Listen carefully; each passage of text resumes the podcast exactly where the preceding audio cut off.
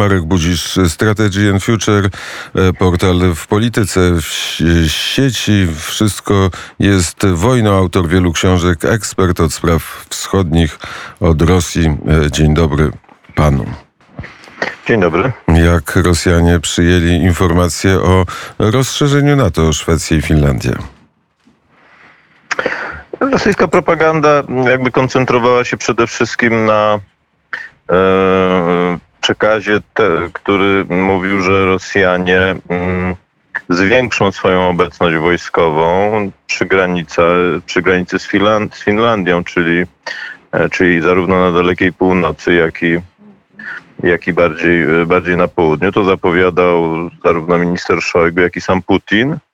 Mm, a w związku z tym oni cały czas budują taki przekaz, że z punktu widzenia generalnej równowagi sił, to raczej ten krok wyjdzie na niekorzyść Finom i Szwedom niźli, niźli Rosji. To, to jest cały czas ta narracja o tym, że Rosja będzie reagowała w sposób lustrzany e, i nadal jest silnym, e, właściwie dominującym w tej części Europy z wojskowego punktu widzenia państwem.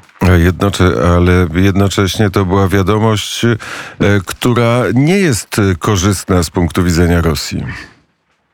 Zgoda, tylko że mm, e, e, Rosjanie też analizują mm, szczegóły tego wstąpienia, czy, czy to, o czym mówią rządy zarówno Finlandii, jak i Szwecji.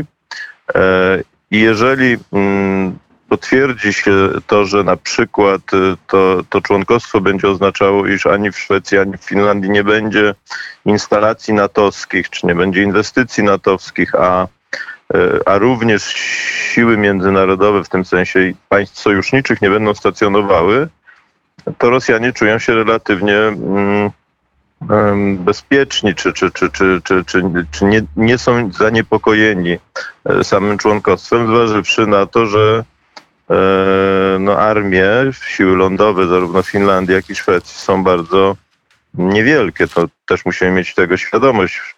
Finowie mają 4400 zawodowych żołnierzy w swoich siłach lądowych, e, a łącznie mają tam około 16 tysięcy żołnierzy, no, co oznacza, że, że gdzieś 12 tysięcy to są poborowi, którzy odbywają służbę, bo tam jest powszechna służba wojskowa. E, ten potencjał wojsk e, Szwecji jest jeszcze mniejszy.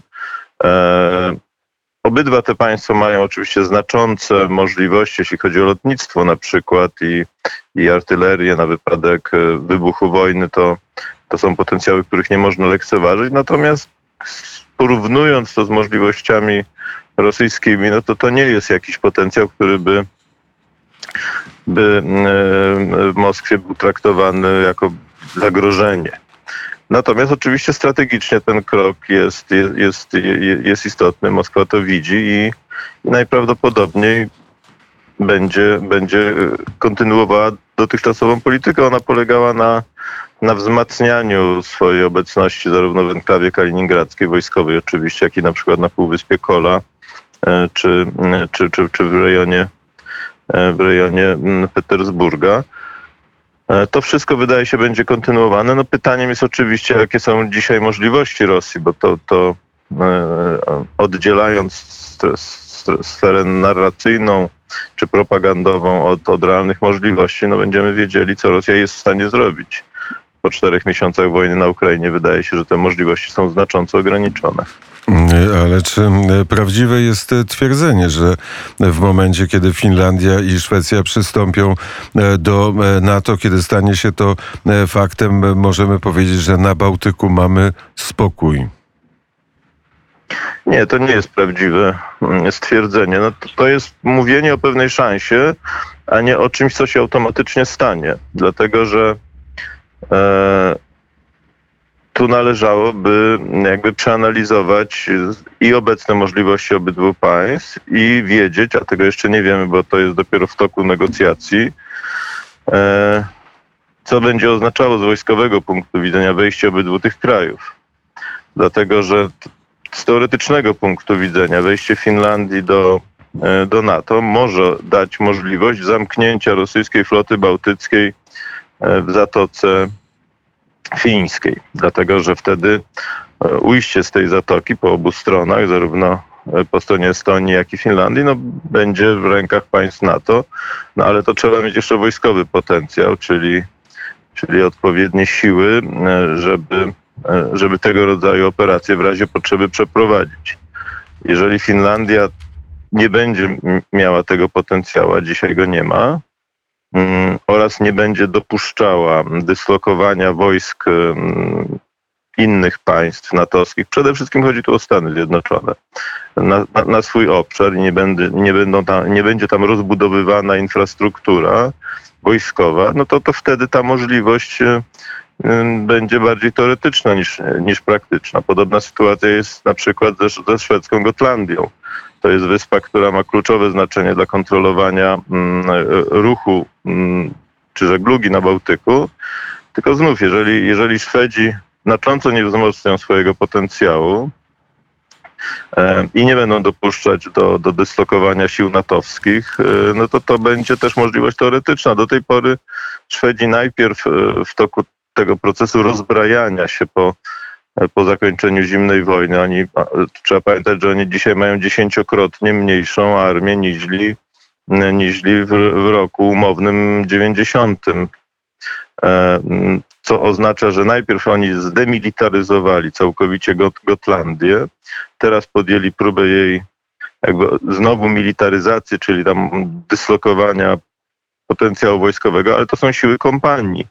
To nie jest, to, to, to nie jest taki potencjał, który, który jakby powoduje, iż możemy mówić o, o kontrolowaniu całego akwenu. To, to dopiero jest przed nami, to musi być rozbudowane. To obydwa te państwa muszą zwiększyć i to znacząco swoje wydatki na, na obronę. Proszę pamiętać, że Finlandia dopiero w tym roku ma osiągnąć 2% wydatków na, na zbrojenia w swoim PKB. Wcześniej to było od 1,3 do 1,5%.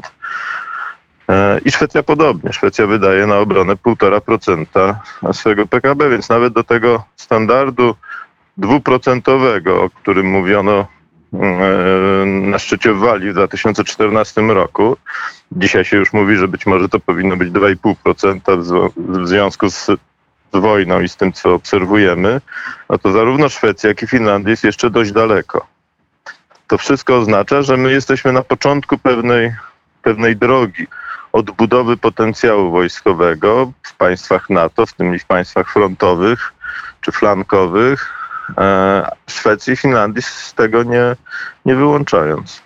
Jest 132 dzień e, inwazji rosyjskiej na e, Ukrainę. W jaki sposób i czy zmieniła się rosyjska propaganda? Rosyjska propaganda nie zmieniła się. Ona głosi, że Rosjanie wojnę wygrywają, Szojgu e, powiedział wczoraj, czy złożył raport Putinowi, iż e, cały obszar Ługańskiej, tak zwanej Republiki Ludowej jest już wyzwolony, jak to, jak to mówią Rosjanie, to, to już praktycznie się stało, chociaż jeszcze, jeszcze pewnie nie w, nie w 100%. I teraz Rosjanie pewnie będą się koncentrowali na, na, na mm, próbach, próbach pójścia do przodu, przede wszystkim w, w tak zwanej Donieckiej Republice Ludowej. E, również i z tego powodu, że Putin w ubiegłym tygodniu miał takie wystąpienie, w którym, jak się wydaje, no tak to jest przynajmniej interpretowane, nieco zawęził wojenne cele Rosji, mówiąc o tym, że wyzwolenie tych dwóch uznanych formalnie jako nie, nie, nie, niezależne państwa e, tak zwanych republik ludowych jest, jest rosyjskim celem w tej, w tej wojnie, co by wskazywało, że dojście do granicy administracyjnej tych dwóch e, ukraińskich prowincji być może, chociaż tutaj nie ma pewności, skłoniłoby Rosję do ogłoszenia, że, że zawiesza działania wojenne. Tak, tak się spekuluje. No, zobaczymy, jak to, jak to będzie. W związku z tym tu działania nie ustaną. Trochę to też zależy od sił oporu armii ukraińskiej, czy one nie zostaną przeniesione też na inne obszary, bo strona ukraińska mówi, że jeżeli ich opór będzie słabu, a on dzisiaj jest słabszy, zważywszy na dysproporcje potencjałów i sił obydwu stron, no to nie można wykluczyć, że Rosjanie wznowią na przykład uderzenia na, na Charków czy, mm, czy na południu, na południu Ukrainy. Jak powiedział Dmytro Antoniuk w poranku wnet, wojska rosyjskie są 30 kilometrów od Charkowa. No tak, bo te, te, te pierwotne e, takie e, taktyczne w gruncie rzeczy kontrofensywy e, e, strony ukraińskiej, one nie doprowadziły do całkowitego wyparcia e, Rosjan, tylko jakby do odsunięcia ich sił na taką odległość, ażeby przy użyciu artylerii tej klasycznej Rosjanie nie mogli atakować celów w Charkowie, ale Mm, ale tu musimy pamiętać, że, że, że, że mamy cały czas do czynienia z, z rażącą, nawet tak to trzeba powiedzieć, dysproporcją sił. Rosjanie mają gdzieś około dziesięciokrotnie średnio większą siłę ogniową. Na niektórych odcinkach w Doniecku to jest nawet y, przewaga dwudziestokrotna co oznacza, że Rosjanie, jak się szacuje, są w stanie dziennie wystrzelić około 60 tysięcy pocisków, e, pocisków artyleryjskich. Strona ukraińska jest w stanie odpowiedzieć na poziomie 5-6 tysięcy. To, to, to, to, wyjaśnia, dlaczego Ukraińcy muszą się wycofywać, no bo takiej nawały ogniowej przez dłuższy czas nikt nie jest w stanie wytrzymać. Ważne w tym wszystkim jest to, że oni robią to w sposób zorganizowany. Rosjanom się nie udało z, z, zrobić żadnej, żadnego kotła, żadnego mm, nie okrążyli e, sił, sił ukraińskich, no ale ta przewaga ogniowa jest znacząca. Przewaga w, w, powietrzu jest też istotna. Rosjanie dziennie wykonują, jak się szacuje, około 300 e, misji bojowych. Strona ukraińska jest w stanie im przeciwstawić około 5-6 to oczywiście nie ma znaczenia e, dla całego kraju. To Rosjanie nie kontrolują przestrzeni powietrznej Ukrainy, ale ma to istotne znaczenie dla sytuacji tam, gdzie walki są najbardziej intensywne. I w związku z tym, jeśli te walki na przykład osłabną, czy intensywność tych walk osłabnie w Doniecku, no to można mm, się spodziewać, że ten potencjał zostanie gdzie indziej e, zastosowany i i wtedy może być sytuacja na innych kierunkach również groźna z punktu widzenia strony ukraińskiej. Tym to... bardziej, że straty są, są znaczne. To też musimy mieć tego świadomość. Mm, to wróćmy jeszcze na chwilę do e, szczytu e, NATO. Czekaliśmy na ten, e, na ten szczyt. Miał być historyczny, czy był historyczny, czy te decyzje, które zostały podjęte na szczycie NATO są zgodne z Pana przewidywaniami, czy są satysfakcjonujące z punktu widzenia wschodniej flanki NATO? Decyzje są zgodne z moimi przewidywaniami, natomiast są niesatysfakcjonujące z punktu widzenia polskich interesów i, i, szerzej rzecz ujmując e, e, całej wschodniej, całego wschodniego frontu.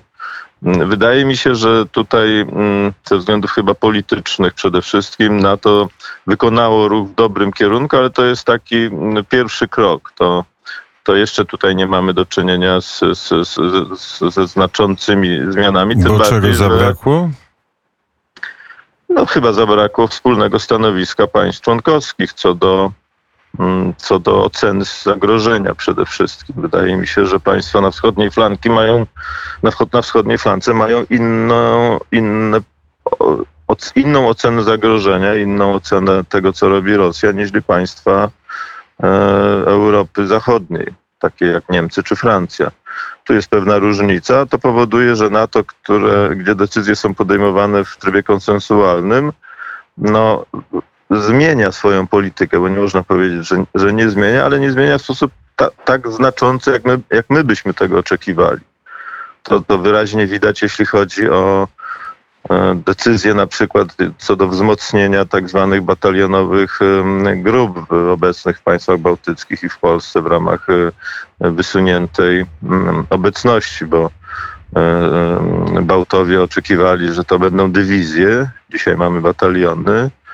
Zapadła decyzja o tym, że to będzie wzmocnione do, do poziomu brygady, czyli, czyli to jest krok w tym e, kierunku, o który nam chodzi, natomiast no, znacząco mniejszy niż, niż siła, siła dywizji. No, dywizji w zależności od, od, od, od, od, od decyzji politycznych są albo trzy brygady albo cztery. Na tych kierunkach y, powiedzmy frontowych to raczej mówi się o czterech brygadach, to dla, dlatego nasza żelazna dywizja jest dywizją czterobrygadową docelowo. E, No a mamy tutaj decyzję o raptem utworzeniu jednej brygady, czyli to jest jakby trzy albo cztery razy mniej niż oczekiwali tego Bałtowie. Mało tego, to jeszcze nie są brygady, które miałyby być, nawet nie są rotacyjne, bo to jest, są siły desygnowane. Na przykład e, w, w, tej, w tej batalionowej grupie dzisiaj stacjonującej na, na Litwie, gdzie państwem ramowym są Niemcy, Niemcy mają desygnować dodatkowe 3,5 tysiąca żołnierzy i oficerów, tylko że oni będą na co dzień stacjonować w Niemczech. I dopiero w sytuacji kryzysowej mieliby być przerzuceni na Litwę. W ciągu 10 E, dni. No właśnie, i to jest pytanie, jaki to ma w ogóle wymiar militarny, bo to jest po pierwsze kwestia możliwości przerzutu. Niemcy nie mają mm, zdolności do e, przerzucenia tak dużego potencjału drogą lotniczą. Po drugie, to jest pytanie o decyzję o charakterze politycznym, no bo, bo to najpierw musi być podjęta decyzja e, o, e, o, o wykonaniu tego ruchu. Pan mówi o 10 dniach, ale to jest 10 dni od podjęcia decyzji. Czyli jeżeli dzisiaj wybucha wojna, no to zbierają się stosowne gremia NATO i dzisiaj podejmujemy decyzję o użyciu naszego potencjału wojskowego i wtedy upływa 10 dni. Ale, na, ale jeżeli te gremia natowskie będą potrzebowały kilku dni na podjęcie samej decyzji, to już nie mówimy o 10 dniach, tylko na przykład mówimy o dwóch tygodniach.